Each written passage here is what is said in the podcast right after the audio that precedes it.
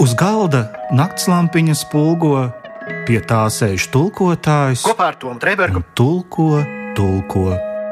Cienījamie lasītāji, etīdes par literatūru kopā ar dzinieku Tomu Trēbergu un rakstnieku Svenu Kusminu. Paldies jums! Trešdienās, 15.35. LR1.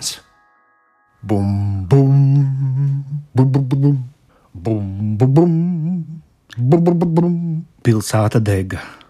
Šaurajās ieliņās, kas veda uz aizsargu grāvi, uz pirmo terasi mutoļoja dūmi un versme, liesmas aprija cieši vienotram piespiedušos namu salmu jumtus, laizija cietokšņa mūrus.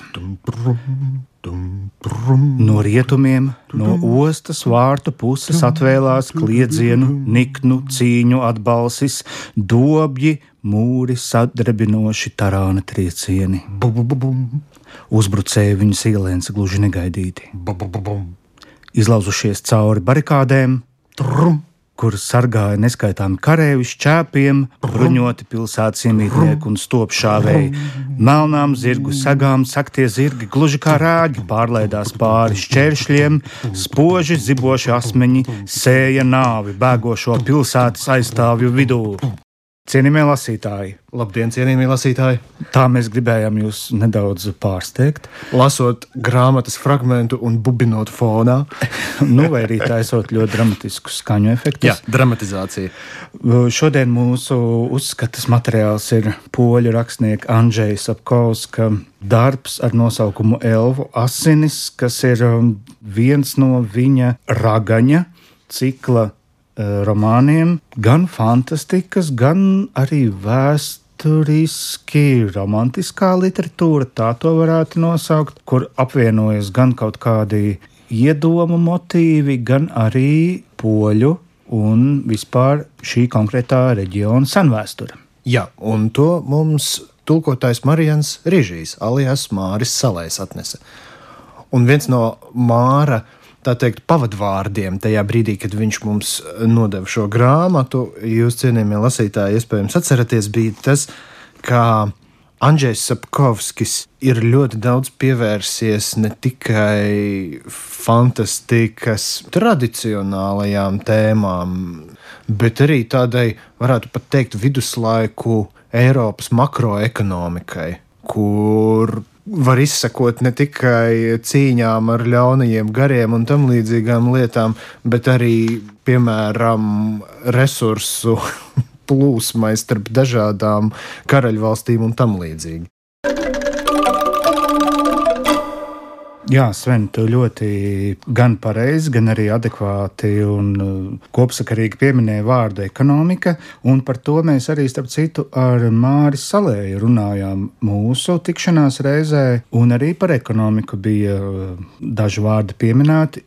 Un ne par velti tādēļ, ka Andrzejs Sapkovskis pēc savas izglītības ir um, ekonomists, To viņš ir apguvis Lodzes Universitātē, un pirms kļūšanas par rakstnieku viņš strādāja ārējās tirdzniecības uzņēmumā par vecāko tirdzniecības pārstāvi, un savu literāro karjeru sāka kā zinātniskās fantastikas darbu tulkotājs pirmām kārtām. À, nu tad eh, viss tiešām ārkārtīgi loģiski saslēdzas kopā, jo gan viens, gan otrs ir ļoti, ļoti jūtams viņa daļradē. Par e, makroekonomiku es jau minēju, bet arī droši vien tā zinātniskās fantastikas tulkošana tur ir likusi savu ārtavu, tāpēc ka šī laikam nav gluži autonoma fantastikas darbu sērija. Šī ir fantastikas darbu sērija ar neskaitāmām atsaucēm uz citiem fantastikas darbiem un uz mitoloģijas uh, elementiem. Jo tas ir uh, viena no interesantākajām, manuprāt, Sapkovska šīs radītās pasaules iezīmēm ir tāda, ka tā, protams, ir pasaule, kas eksistē paralēli mūsējai, bet, piemēram, cilvēku rase šajā pasaulē, viņi ir burtiski ieradusies no planētas Zeme. Un tāpat ir ar kaut kādiem citiem fantastikas tēliem, kas it kā nu, pienāk no citām mitoloģijām. Tā ir tāda vēstures un mitoloģijas tāds sakausējamais katls, varētu teikt, šīs apkauska pasaule. Tur, kur tie, tās abas traumas ieplūst vienā atverā, tā, nu, kaut kādā tādā. Jā, jā, jā. Jeb kā viņam tas bija raksturots, tā bija tāda sfēru sadursme vai kaut kas tam līdzīgs. Un tad tajā sadursmes punktā tur lūk satiekas kaut kādā ziņā visi iespējamie mīti. Ir vērts vēl paturpināt nedaudz Sapkauska ievirzi kā ekonomistam, tādēļ, ka zinot arī tavu interesi un aizrautību ar dažādām galda spēlēm, kurās arī ir fantāzijas pasaules elementi, arī kaut ko tādu, kas varbūt ir arī datorvidē. Tur ārkārtīgi svarīga ir šī gradācija, schematiskums, piedāvātās pasaules ļoti konkrēts sadalījums, kurā diezgan reti notiek kaut kādas pārmaiņas starp vienu un otru pozīciju. Un, manuprāt, iespējams, savādāk nemaz nevarētu veidot arī šādu veidu literatūru. Nu, labi, mums bija Ursulas Ligvinas apskats, vai ne par Jā. jūras zemes burvi. par to es vēl gribēju izteikties. Jā, noteikti, noteikti. To nevar neizdarīt. Noteikti. Un tur man liekas, atkal vairāk varbūt varēja saskatīt eh, galvenā varoņa iekšējo pārdomu vai šaubu pārskatu. Taču Sapkauska darbā, nu, konkrēti šodien tātad elfu asinis, un šeit tie iekšējie pārdomu motīvi nav tik būtiski. Nu, viņi, protams, ir, ir svarīgi, taču viņiem nav tas uz priekšu dzenošais vadmotīvs, nu, vai tā, vai tā tvaikuma lokomotīva, kas dzen. Nu, tas nav tas, kas jā, virza sižetu uz priekšu. Jā. Jā, galvenais ir tomēr, kā jau es pieminēju, to galda spēles analoģiju, kādi ir izkārtoti konkrētie spēki, kā šie spēki piesaka savu aktualitāti konkrētajā grāmatas daļā. Nu, jā, jā, es saprotu, tā doma ir pareiza, ka nu, nevelti patiešām e, spēļu vidē šī literatūra ir izrādījusies par tādu ļoti bagātīgu augsni. Tur ir ārkārtīgi daudz no kā smelt, un nu, kaut kādā ziņā tas materiāls patiešām ir neizsmeļams. Bet, um, kas attiecas uz literāro pusi, es domāju, ja mēs vairāk runājam par to, tad nu, Ligvina ir poētiska. Viņa pat maz aizraujas ar sižetiem, taisnība sakot. Viņai tie sižeti ir drīzāk ar tādu kaut kādā ziņā vieglumu, vienkārši nu, tā tāds plīvurs, tas sižets klājas pāri vienkārši pasaulē, kas tiek aprakstīta ar kaut kādiem iekšējiem notikumiem. Bet šeit nē, šeit nē, šeit ir. Uh, Ja tā ir poētiskā fantastika, tad šī ir praktiskā, es teiktu. Man ir jāprecizē tomēr viena lieta. Man šķiet, ka tas ir diezgan svarīgi. Parasti šāda veida literatūra, ja tā iemanto pietiekami lielu popularitāti, tad viņi pārvēršas tādās garās sērijās, tādos neapturami garos, ļoti daudzu romānu ciklos. Bet šai konkrētajai sērijai ir daudz tādi mazāki un pieticīgāki pirmsākumi. Proti, šī ragaņa sērija Sapkovskim aizsākās no īso stāstu krājuma. Un es tos īsos stāstus kaut kad izlasīju sen, sen atpakaļ. Un interesanti ir tas, ka tos stāstus daudz vairāk varētu pielīdzināt tam Ligvinas stilam, jo vienkārši visu to makroekonomikas pasauli viņš vēl nav radījis. Un tajos stāstos viņš, man liekas, daudz vairāk ir nodevies tēlu iekšējās pasaules eh, attīstīšanai. Un faktiski, tad, kad mēs ņemam rokās šo romānu, viņš to poētisko darbiņu, tā teikt, jau ir izdarījis, un tagad viņš atkal pieslēdzas šiem jautājumiem. Kādēļ vēlreiz jāatkārto, un dažiem tāda praktiskā fantastika. Ragaņa sāgas galvenais tēls ir Rīvijas Geralds, kurš ir no, mm, jau no mazām dienām trenēts kā briesmoņu mednieks, kuram arī jāsaskarās ar dažādiem, nu, kā tas arī Ligvinai bija redzams, un vēl man, nu, arī tajā skaitā Tolkienam un pat Rowlingai. Tā tad ir šie fiziskie izaicinājumi, kuri ir saistīti ar, ar šo fantastikas pasauli, bet tajā visā klātesoša ir arī pārkāpšana savai fiziskajai varēšanai un arī savai vērtību mazajai sistēmiņai, kas nu, šādos dramatiskos apstākļos varētu būt radusies. Pieminēto Rīvijas Geraltu mēdz salīdzināt arī ar detektīvu romānu pasaulē iecienīto autoru Emonu Čendleru un viņa izveidoto tēlu Filipu Mārlovu, bet nu, tās jau, protams, arī ir tādas līdzību meklēšanas. Katrā ziņā vēl viena nu, būtiska iezīme, ko mēs varam arī šeit piebilst, ka ragaņa, jeb angļuiski šo tēlu sauc par Witcher, noteikti varētu būt kāds no mūsu klausītājiem, kurš arī būtu pazīstams ar šādu te datorspēli, ar ļoti Laikam es esmu redzējis tikai otrās daļas piemēru, bet nu, tas, kā viņa tika izveidota, kādi bija šie mākslinieckie paņēmieni, viņa bija tiešām tāda indija datorspēle, nu, tāda, tāda independent culture, jeb neatkarīgās kultūras datorspēle, kur nav tik ļoti tendēta uz kaut kādu varbūt vardarbības līmeņa sasniegšanu, bet nu, kā tāds drīzāk um, vides ilustrācija. Un, starp citu, 2017. gadā straumēšanas platforma Netflix pasūtīja šīs grāmatas sērijas angļu valodas adaptāciju, un televīzijas seriāla pirmizrāde notika pirms diviem gadiem, decembrī, un kādu laiku arī pats autors bija šī projekta radošais konsultants. Tā vide ir ārkārtīgi pateicīga visāda veida ekranizācijām un adaptācijām. Un, nu, būtībā Sapkovskis viņš ir tā tāds fantastisks pasaules grāmatvedis, kurš tev pie, vienkārši piestāda vienā brīdī, lūk, rekordā tad jūs varat iepazīties ar visām tabulām, vai ne, un, un no tā visa radīt kaut ko, kaut, kaut, kaut ko pietiekami plašu. Bet tajā brīdī, kad tā pasaule, ko viņš ir radījis, izplatās pa tik daudziem dažādiem mēdījiem, tas literārais kopums, kas ir tam visam bijis pamatā, viņš kaut kādā ziņā pārvēršas par tādu ļoti iedarbīgu escapismu veidu, teiksim tā. Nu, tā ir ļoti daudz dažādu formātu, caur kuriem tu šajā pasaulē vari nolīst. Un eh, tas vispār ir diezgan raksturīgi gan zinātniskai fantastikai, gan eh, šī žanra literatūrai, nu, un filmām, un datorspēlēm un tam līdzīgi. Bet kā tev tom šķiet, tas escapisma elements tajā visā? Tev nav tāda sajūta, ka starp vienkārši escapismu un uh, literatūru kā tādu ir tomēr kaut kāda atšķirība. Nu, man liekas, ka Sapkauska gadījumā tas escapisms ir daudz mazāks nekā varbūt kaut vai tai pašai Ligvinai vai, Ak, tā. vai arī Rolingai, jo Sapkauska pasauli, tu, man liekas, ļoti precīzi pateici to, ka viņš ir tāds fantāzijas literatūras grāmatvedis. Viņš tev izsniedz tādu tabulu.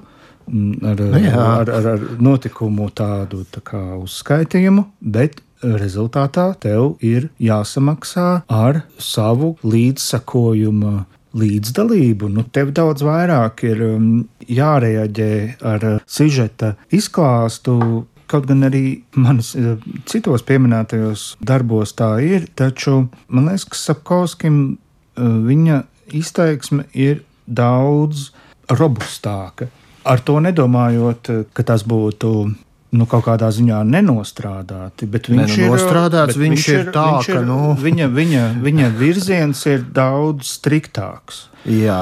Un, un tur, nu, redzi, nu, tā, tur ir jāpierod pie tā, un man nebija tik viegli pierast. Man zinumā. laikam bija ļoti līdzīgi, kas ir interesanti, jo Sapkovska īsos stāstus es ļoti izbaudīju. Tieši tāpēc, ka man bija iespēja pārāk neierauties tajā fantāzijas pasaules eh, čaulā, kas ir it kā atdalīta no manas pieredzes. Un tad es vienkārši varēju baudīt foršu stāstu, tāpēc ka pat ne tik ļoti eh, tādēļ, ka viņš nu, tur pavēstītu man kaut kādu vajadzīgu un svarīgu sižetu, bet vienkārši tādēļ, kā viņš ir izstāstīts. Turpretī šeit man bija mazliet tāda sajūta, diezgan bieži man bija tāda sajūta, ka es mācos kaut kādam eksāmenam. Es esmu nokļuvis uz citas planētas, un man nezinu, kāpēc ir tajā planētā jānoliek vēstures eksāmenis. Citādi mani, es nezinu, izbaros harpijām vai kā tam līdzīga. Un tad es vienā brīdī attapos pie tā, ka, nu, pagaidi pulkstenis ir tur viens naktī, un es joprojām studēju Temērijas un Redānijas savstarpējās attiecības, un gribot, negribot, man galvā iezagās šis sāpīgais jautājums, ko es daru ar savu dzīvi. Un turpretī ar Sapkovska īsajiem stāstiem, nu tā īsti nekad nenotika. Tie vienkārši bija forši stāsti. Nu, varbūt mums ir nepieciešams fragments. Es domāju, ka visnotaļ. Mm, bet, lai neliktos tā, ka šīs grāmatas lasīšana ir smags darbs, tā nu gan nevajadzētu uh, arī uzskatīt, jo tajā brīdī, kad tu tiec cauri tai, teiksim, tā lietišķās informācijas sienai, tur ir kaut kādas patiesībā diezgan pamatīgas balvas pēc tam pieejamas. Tāpēc, ka, nu, kaut kā tā pārmiesošanās, tā pārcelšanās, viņai ir grūti tikt klāt. Bet, kad tu viņai tiec klāt, tad tā, protams, ir diezgan varana ceļojuma sajūta. Nu, lūk, neliels fragmentiņš no mm, ragaņu profesijas pārstāvju ikdienas.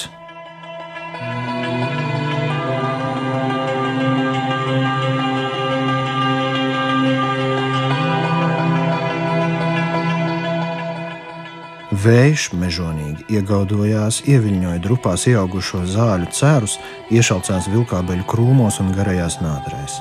Mākoņi pārskrēja pāri mēnesis aplim, uz mirkli tam ļaujot izgaismot cietoksni, pieliet ar blāvu mirguļojošu blāzmu aizsargu grāvi un mūra atliekas, atklājot galvas kausu auguriņus, kas atņirguši izlaustos zobus, melniem acu dubumiem lūkojās neesībā.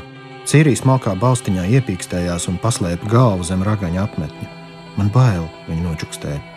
Tev nav ko baidīties, teica Raganis, uzlikdams plaukstu uz viņas pleca. Visā pasaulē grūti atrast drošāku vietu. Tā ir Kara Morhena, Ragaņu rezidence, Terēs bija skaists cietoksnis, ļoti sen. Viņa neatbildēja, tikai zemu nolieca galvu. Ragaņa ķēve raudiņa klusi nosprauslojās, it kā gribētu meiteni nomierināt. Viņi ienira dzelmē, garā nebeidzamā gaitenī starp kolonnām un arkām. Raudiņi soļoja droši un bez skubināšanas, nelikdamās ziņas par necaurredzamo tumsu, ņipri šķindinot pakāpus pa akmens grīdu.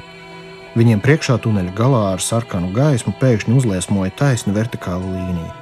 Augot un plešoties, tā pārvērtās par durvīm, no kurām staroja mirdzums, pie sienām dzelzs sturekļos iestiprināto lāpu plandīgā gaisma, durvīs nostājās melns, gaismā izsmērēts siluets. Kas nāk? Cirī izdzirdēja niknu metālisku balsi, kas skanēja kā suņa rejieni. Geralt! Jā, Eskel, tas esmu es! Ienāca. Raganis nokāpa, Izcēla cīriju no sagaliem, nolika uz zemes, iespieda rociņās sainīti, kuru viņa krampjaini saķēra abām rokām, nožēlojot, ka tas ir pārāk mazs, lai varētu tajā visa noslēpties. Pagaidi šeit kopā ar Eskelu, viņš teica, aizvedīšu raudiņu uz stāli. Nāc pie gaismas, mazais, norūca par Eskelu dēvētais vīrietis, nestāv tumsā. Cīrija palūkojās augšup viņa sejā un tik tikko spēja apvaldīt baiļu kliedzienu. Tas nebija cilvēks. Kaut arī stāvēja uz abām kājām, kaut arī valkāja parastu cilvēku apģērbu, tas nebija cilvēks. Nevienam cilvēkam, viņa nodomāja, nevar būt tāda seja.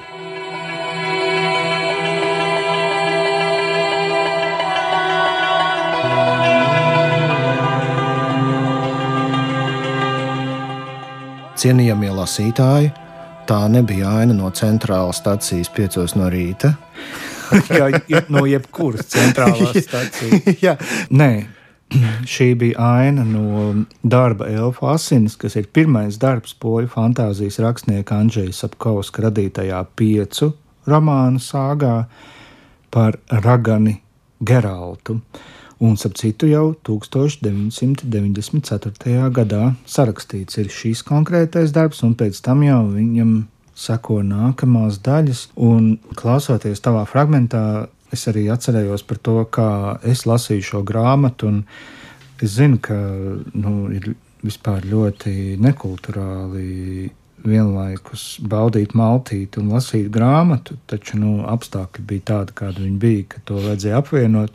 Un es kaut kādā uh, pilnīgi sev neraksturīgā manierē bija iespēja uz šķīvja uzvietot um, cūkas ribiņas. Ja? un, un es, nē, bet zini, kā, jā. es vienkārši lobīju tās ribas jā. un lasīju tos ap kausku. Man liekas, tas ir vienkārši tik Nu, perfekts. Saprotu, nu, tāpat teikt, kā, jā. ja es lasīju, teiksim, troņu spēles kaut kādā ziņā, un tikai ah. pietrūka biķers ar kaut kādu medalu vai, medalu vai kādu jā, jā. sārtvīnu, kurš tur līst pāri uz bruņu. Jā aizdarēm. Un tev blakus gaitenīs stāv bārts un spēlē dūdas. Vai mēģina spēlēt? jā. jā, bet nu, katrā ziņā nu, man liekas, ka jā, atgriežoties vēl pie tā pārskata, ka tāda smilšpapīraina sajūta no tās apkauska un arī, protams, labā ziņā, bet nu, tāda. Nu, viņš prasa viņš investīcijas, ne, viņš prasa ieguldījumus. Nē, viņš no prasa lasītāji. investīcijas, bet viņš arī nedod to mazo gaismiņu, kas ir tik ļoti nepieciešama. Jo, zini, kā reizēm mums viņas varbūt arī, nu, nezinu, vai to jāsaist ar pēdējo laiku, bet grib, gribas jau to kaut kādu dunkājienu pa sānu, vai ne? Nu, tu, nu labi, tagad ir tā, bet, kā teica vecā, tur jā. un uzdziedāsim šo? Un tur, nu, tur ir. Nu jā, tur nav, nav tāda, vai nav tāda izteikta mudinājuma uz to, ka nu, tūlīt jau kaut kas būs. Tur ir Jā, nu, zini, man laikam. Uh, Garš un vējains ceļš. Nu, jā, un man jāteic, ka man ir iebildumi ne tik ļoti pret vispār šo žanru kā tādu, cik man varbūt ir kaut kādi iebildumi pret to kultūru, kas šim žanram, tā teikt, norisinās apkārt. Un iebildumi man ir lielā mērā saistīti ar to, ka šī kultūra pieprasa ļoti, ļoti, ļoti, ļoti, ļoti daudz turpinājumu katram darbam, tāpēc ka nevar būt vienkārši viens foršs fantastikas romāns. Viņam noteikti ir jābūt kaut kādos miljonus turpinājumos. Un es it kā saprotu no vienas puses to azartu, gribās turpināt pasaules izpēti. Tas man ir saprotams, bet tajā pašā laikā es zinu, ka man nekad dzīvē nebūs pietiekami daudz laika, lai, mm, nu, tā teikt, šo darbu izbaudītu tā pilnesinīgi. Jo nu, nav tā, ka man gribētos vēl pēc šī romāna izlasīt astoņus citus šādus pašus romānus. Tā es gluži nevarētu teikt. Pat tad, ja šis romāns man tīri labi patīk. Es laikam arī ne. Nu, jā, pat tad, ja man šis romāns īstenībā tīri labi patīk. Un jā, tas laikam ir tas pats, ko tu saki, tikai citā ietērpā, ka trūkst tā lakonisma un trūkst tās. Um, es nezinu, tās šī brīža sajūtas, ja tā to var nodēvēt. Nu, Zini, kā labam stāstam jābūt pabeigtam. Un man, piemēram, ārkārtīgi mīļš ir Patriks Rotfus, bet viņš jau deviņus vai desmit vai es nezinu, 50, tā šķiet, gadus nevar uzrakstīt uh, trešo noslēdzošo daļu savai triloģijai. Bet šāda problēma nepastāvētu, ja tie darbi būtu pašpietiekami, katrs pats par sevi. Tu saproti domu, vai ne? Nu, tie sīkveli un sīkveli, sīkveli. Nu, nu nezinu, nu, nezinu. Vai tad nevar izstāstīt vienkārši pasakiņu līdz galam? Cienījamie lasītāji! Māra Salē tulkojumā Andrzeja Sapkauska viens no cikla darbiem Elfu asinis, apgādes zvaigzne ABC.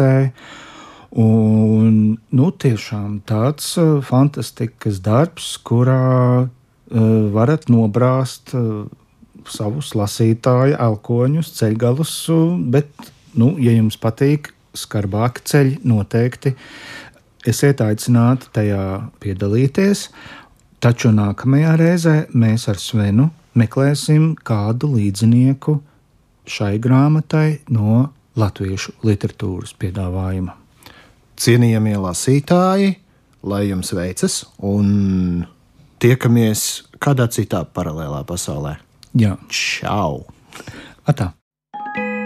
Uz galda naktslampiņa spulgo, pie tā sēž tulkotājs. Kopā ar Tomu Trēbergu tulko, tulko. Cienījamie lasītāji, etīdes par literatūru kopā ar dzinieku Tomu Trēbergu un rakstnieku Svenu Kusminu. Paldies jums! Trešdienās 15.35. LR1.